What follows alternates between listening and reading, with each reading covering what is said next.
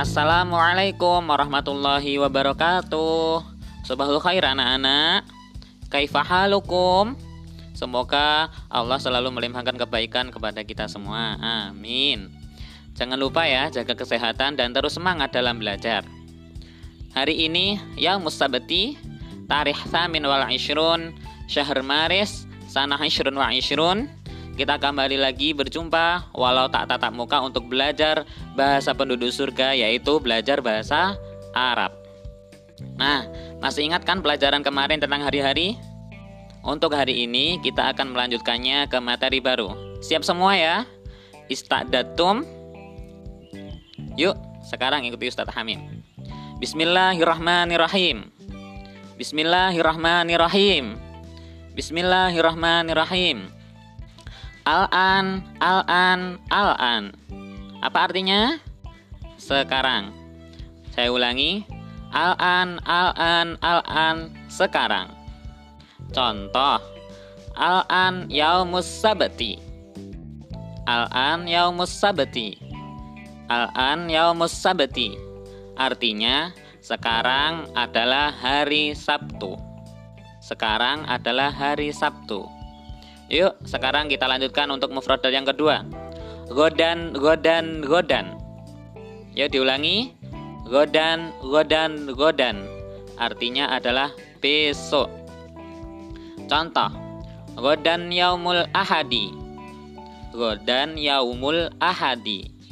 Godan yaumul ahadi.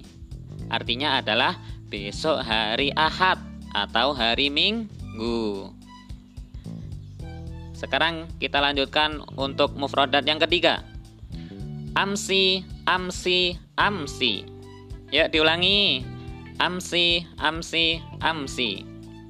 Contohnya begini anak-anak. Amsi yaumul jum'ati. Amsi yaumul jum'ati. Amsi yaumul jum'ati. Kemarin adalah hari Jumat. Kemarin adalah hari Jumat Mufradat selanjutnya Ba'da ba'da ba'da Ba'da ba'da ba'da Artinya adalah setelah Contohnya Ba'da yaumil ahadi yaumul ithnaini. Ba'da yaumil ahadi yaumul ithnaini. Saya ulangi. Ba'da yaumul ahadi yaumul ithnaini. Artinya, setelah hari Ahad adalah hari Senin. Setelah hari Ahad adalah hari Senin. Untuk mufradat yang kelima, qabla qabla qabla. Qabla qabla qabla artinya adalah sebelum. Contoh, qabla yaumi sulatai yaumul isnaini. Qabla yaumus sulatai yaumul isnaini. Qabla yaumus sulatai yaumul isnaini. Artinya, sebelum hari Selasa adalah hari Senin. Sebelum hari Selasa adalah hari Senin. Untuk mufradah yang terakhir, yaumul utlati Yaumul Utlati Yaumul Utlati artinya adalah hari libur.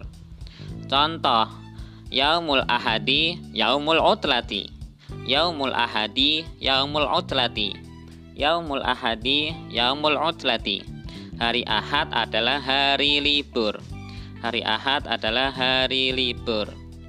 Nah, Begitu anak-anak untuk pelajaran hari ini jangan lupa belajar di rumah menghafal dengan giat yang kita hafalkan e, cuman materi pokoknya ya al-an, godan, amsi, ba'da, qabla dan yaumul utlati.